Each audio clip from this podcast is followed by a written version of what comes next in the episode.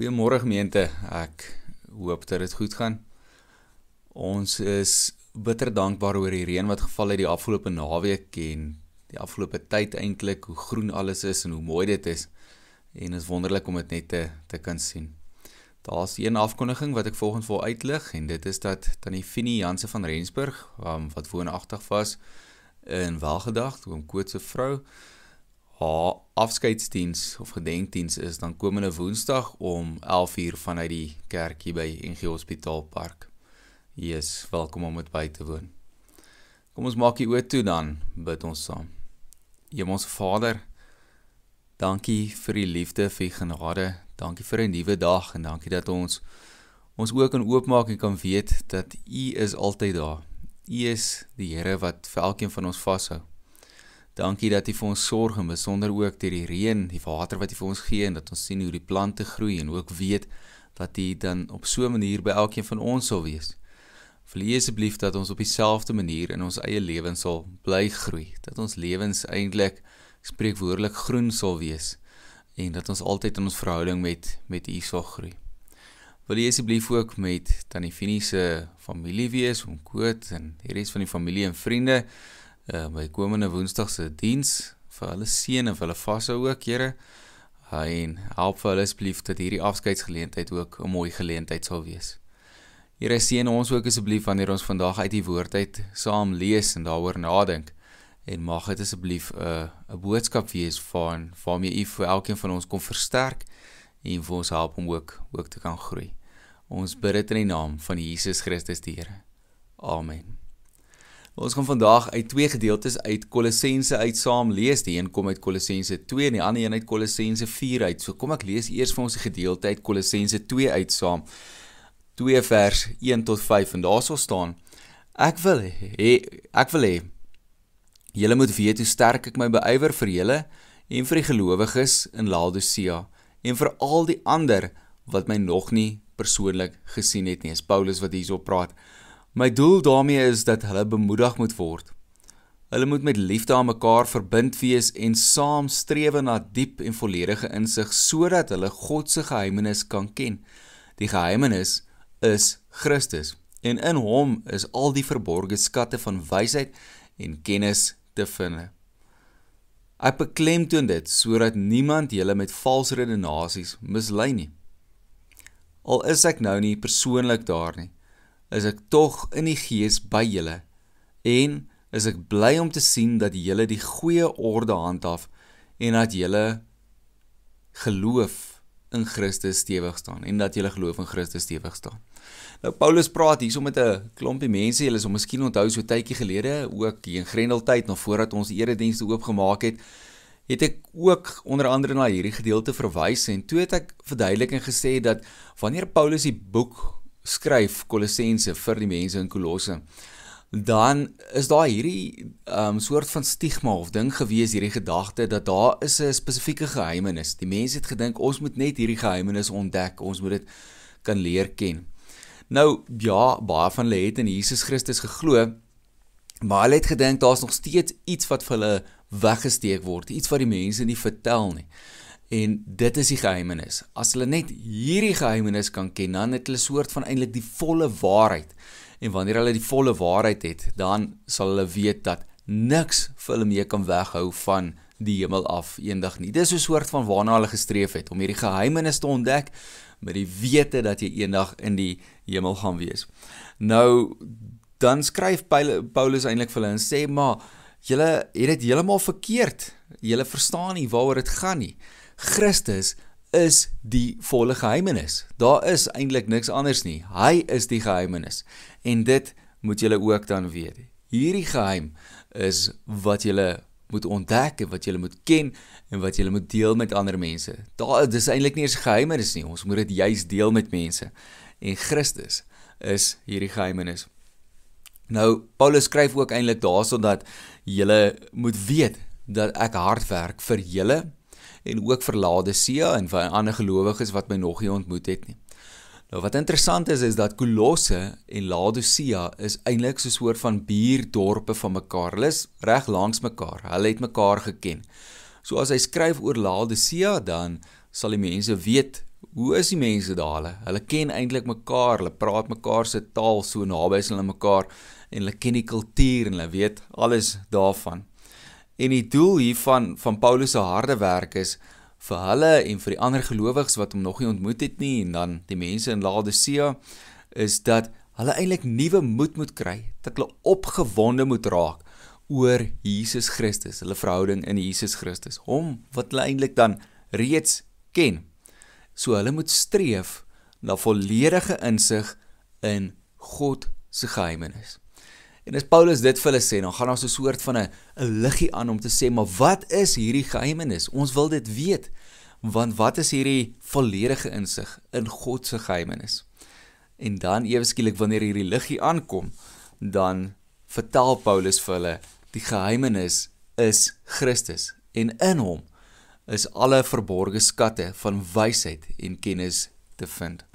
En dan sê hy verder in vers 4: Ek beklemtoon dit sodat niemand julle met vals redenasies mislei nie. Hy wil dit kom duidelik maak vir hulle dat hulle nou nie met ander redenasies weggevoer moet word of mislei moet word of dat hulle begin vreemde goeters dink nie.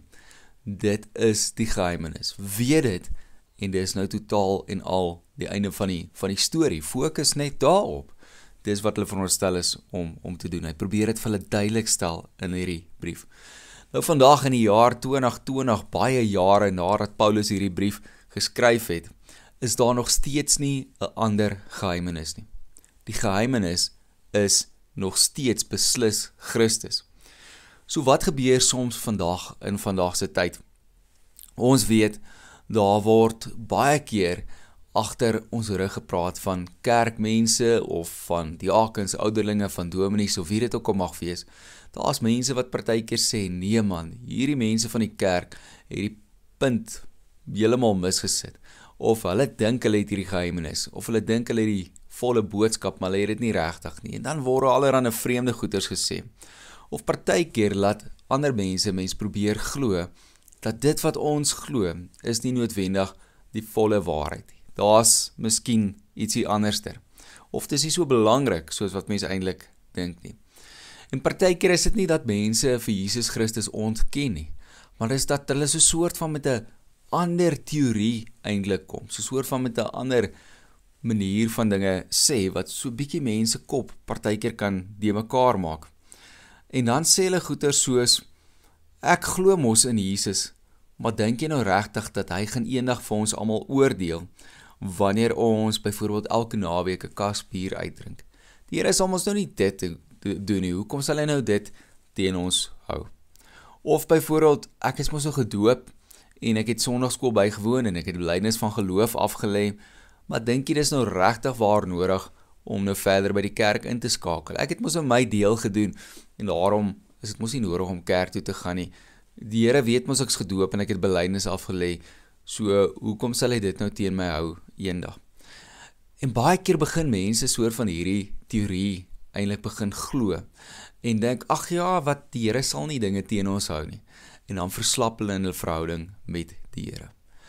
So dit is sulke tipe van dinge waarteen mens moet waak. So wat is presies dan eintlik die punt? Ons moet onthou, die geheimenis is Christus en in hom is al die verborgde skatte van wysheid en kennis te vind.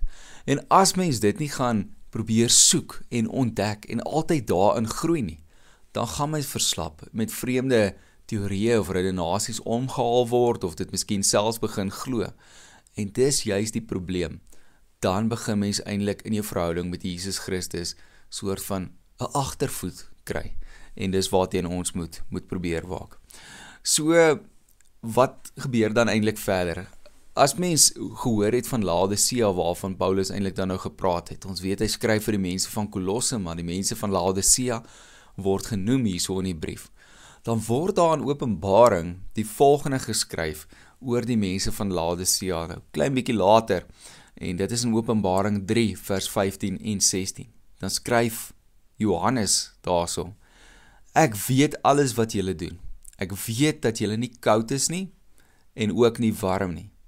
As julle tog nie as julle tog maar koud of warm was, maar nou omdat julle lou is en nie warm nie en ook nie koud nie, gaan ek julle uit my mond uitspoeg. Dis die woorde van die Here wat Johannes hierson neerskryf. En dis presies wat geskryf word vir die mense van die buurdorpie van Kolosse. So wat moet ons eintlik dan nou hierso onthou? Is dat die Here soek nie mense wat sonnaarskool toe kom en belydenis aflê en net gedoop is en dan wegraak en soort van lou is nie. Die Here soek die mense wat sê, "Ja, ek glo Jesus Christus is my verlosser," maar hulle lewe wys dit nie op die ouene van die dag nie. Want dan is mense soos mense wat lou is. Die Here soek nie dit nie. Hy soek mense wat of vir hom kies en vir hom leef 100% en volle of mense wat sê ek wil eintlik dan nou niks met die Here te doen hê nie. Ek is koud, ek ek glo dit nie, ek wil niks met hom te doen hê nie. So mense moet kies. Die Here wil nie hierdie mense hê wat so sê ja ons ons weet van hom en ons wil vir hom kies maar eintlik leef ons nie regtig vir hom nie. Dit sal wees om soos in 'n verhouding te wees met iemand of getrou te wees met iemand waar iemand dood eenvoudig net nie hulle kant bring nie of nie regtig waar in die verhouding is nie. Ons ons is nou maar net daar want dis dis die blyplek wat ons nou het. Dis die dak waaronder ons bly. Maar eintlik gee ons nie om oor mekaar nie. Ons weet mos nou dat so 'n verhouding is eintlik besig om agteruit te gaan en dis nie gesond nie. Net so is dit nie gesond as mense in so 'n tipe verhouding met die Here sou wees nie. So soos wat Paulus en die ander medewerkers hulle beywer vir Christus, behoort elke liewe ander mens, elke liewe gelowige eintlik ook te hulle self te beywer vir Christus. Ons elkeen behoort hard te werk vir hom. Nou dan so klein bietjie verder en dis waarby ons eintlik vandag ook wil uitkom. So klein bietjie verder in Kolossense 4 vers 2 tot 6 skryf Paulus nou juis oor hoe ons onsself kan beywer, oor hoe ons behoort te leef en hoe wat ons behoort te doen. Waarop kan ons dan onder andere fokus? So hy kom gee 'n stukkie raad vir hulle hierso in Kolossense 4 vers 2 tot 6. En dan staan daar die volgende, daar staan: Volhard in gebed, wees daarbey waaksaam en ook dankbaar en bid te gelyketyd ook vir ons. Bid dat God ons deur 'n deur vir die woord sal oopmaak sodat ons die geheimenis van Christus kan verkondig waarvoor ek hier gevange sit. Bid dat ek dit duidelik sal verkondig soos dit my opgelê is. Tree met wysheid op teenoor die mense wat nog buite die gemeente is. Maak die beste gebruik van elke geleentheid. Wat jy sê moet van, moet altyd vriendelik wees en van goeie smaak getuig. En jy moet weet hoe julle elkeen behoort te antwoord. Dink as mens hierdie gedeeltjie opsom, dan sou ons twee belangrike dinge uit dit uit kon sê. Die eerste ding is bid. Die tweede ding is tree met wysheid op. So kom ons fokus so klein bietjie op daardie twee. Wanneer ons dink oor bid of gebed, dan word daar baie in die Bybel oor gebed geskryf. Ek gaan nou nie ander tekste aan, aanhaal nie, maar ons kan dit mos nou lees. Ons weet ook van van hulle. Byvoorbeeld in Matteus 6 waar Jesus ons leer om te bid. So daar is tekste oor hoe mense gebid het. En daar's tekste wat ons aanmoedig om te bid. Byvoorbeeld hierdie teks in Kolossense. En dan is daar tekste wat vir ons leer oor hoe behoort ons dan te bid. En hierso sê Paulus die volgende. Hy sê volhard in gebed.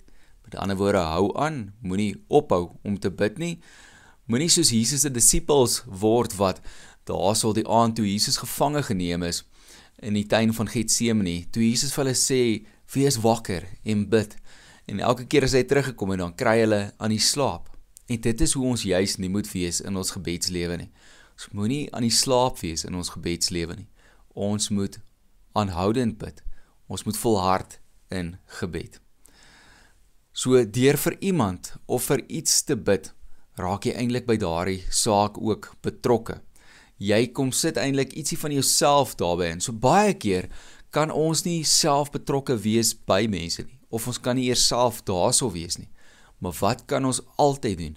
Ons kan altyd bid. En daarom moet ons nooit ophou om om te vergeet of moet ons nooit eintlik vergeet om te bid nie en ophou om te bid nie.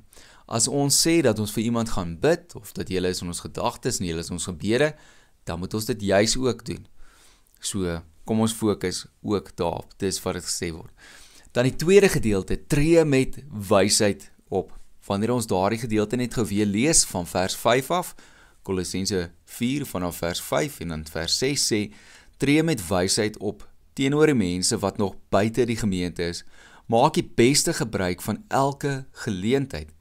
Wat jy sê moet altyd vriendelik wees en van goeie smaak getuig. En jy moet weet hoe jy elkeen behoort te antwoord." So ek wonder soms hoeveel mense in hospitaalpark in die woonbuurt is mense wat nie noodwendig inskakel by ons gemeente nie of sou mens eintlik dit nog verder kon vat mense wat nie enigsins inskakel by 'n kerk nie. En nou weet ek baie van ons lidmate woon nie net in hospitaalparkies, so miskien kan ons dieselfde vraag vir ons vra wanneer ons in 'n ander woonbuurt woon. Hoeveel mense rondom ons is mense wat nie inskakel by 'n kerk nie.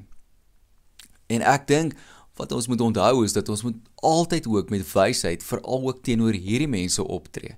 Ons moenie dink omdat mense nie kerk bywoon, kan ons maar optree teenoor hulle soos wat ons graag wil of sommer eintlik roekeloos en hulle wegdryf van Jesus Christus af nie. Ons lewe en ons woorde en hoe ons optree moet eintlik juis ook vir hulle uitnodiging wees om kerk toe te kom of ten minste deel te wees iewers daarvan van 'n kerk. So tree ons altyd regtig met wysheid teenoor hierdie mense op. Die wysheid wat seker maak dat hulle ook weet dat Jesus Christus die geheimenis is. So baie gelowiges voel dat hulle net met wysheid moet optree teenoor hulle eie medegelowiges binne in die kerk of dan medegelowiges van ander kerke. Maar dis nie die waarheid nie. Paulus maak dit eintlik duidelik hierso dat ons teenoor alle mense met wysheid moet optree. Want ons is juis mos nou die beelddraers van Jesus Christus. Ons wil hê dat hierdie mense ook die ge geheimenis van Jesus Christus moet moet leer ken en dit moet aanvaar dan. So hierdie is nie net die werk van die ouderlinge net die diakens nie. Die rede hoekom ek dit sê is omdat vandag in die in die kerk bevestig ons weer 'n klompie ouderlinge en diakens. Die afgelope tyd het ons wonderlike geleenthede gehad om klomp dinge te doen. Belynis van geloof af te lê, nagmaal te hou, 'n paar dope te hou en vandag ook die bevestiging van van ouderlinge en diakens. Maar dis nie net hulle werk nie. Dis elke liewe gelowige, elke lidmaat se werk om dit ook dan te doen met wysheid teenoor ander mense op te tree. En daarom moet ons die beste maak van elke geleentheid wat ons dan het. Elke geleentheid vir gesprek en van optrede teenoor ander mense behoort 'n geleentheid te wees waar ons God se wysheid aan mense bekend kan maak. God se wysheid het te doen met dit wat ons glo as gelowige mense, dat ons dit met mense sal deel. En dan ook hoe ons praat as gelowige mense. En dan in besonder ook hoe ons optree as gelowige mense. So waar is 'n goeie begin? Wat sê Paulus vir ons in hierdie gedeeltjie? Wat is 'n goeie begin vir ons? Wat kan ons dan doen?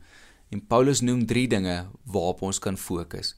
Eerstens, dit wat ons sê moet altyd vriendelik wees. Dit is nie moeilik om dit te verduidelik nie, ons hoef nie verder nie. Wees net vriendelik. Dood eenvoudig. Dit wat ons sê moet altyd vriendelik wees. Tweedens, dit wat ons sê moet van goeie smaak getuig. En derdens, ons moet weet hoe om mense te antwoord. So ons kan begin fokus op ons woorde. Dit is een van die kragtigste dinge wat ons kan doen. Saam met ons woorde en natuurlik ons optrede, maar dit wat ons sê en die manier hoe ons sê, speel 'n baie belangrike rol oor hoe ons kommunikeer en hoe ons oordra teenoor ander mense. Ek wil afsluit met hierdie verskriklike mooi Griekse idioom wat die mense gebruik het destyds. En hulle het gesê uh, en dit is die gedeeltjie wat ons dan hierso in Kolossense vertaal met dit wat ons sê moet met goeie moet van goeie smaak getuig. Kom ek sê dit geweet, dit wat ons sê moet van goeie smaak getuig. Hierdie Grieke gesê jou woorde moet met sout besprinkel word. Hoe mooi is dit nie? Jou woorde moet met sout besprinkel word. En dit is om te sê dat iemand se woorde is betekenisvol, dit is sinvol, dit is vol diepte en dit het waarheid in. Iemand se woorde is betekenisvol, sinvol, vol diepte en dit is vol waarheid. Laat jou woorde met sout besprinkel wees.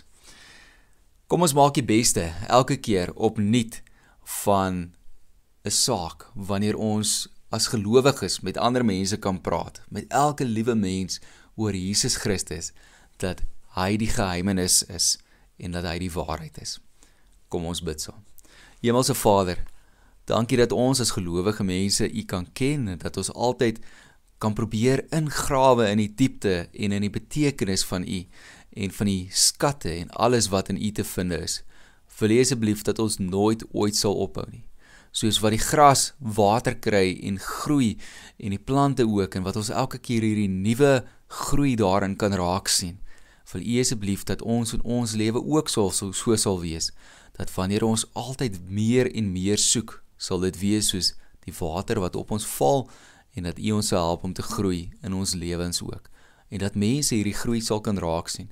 Dat ons nie sommer maklik omgehaal sal word met met swak teorieë of redenasies van ander mense oor hoekom ons die eredienste hoef by te woon nie of wat U nie teen ons sou hou nie.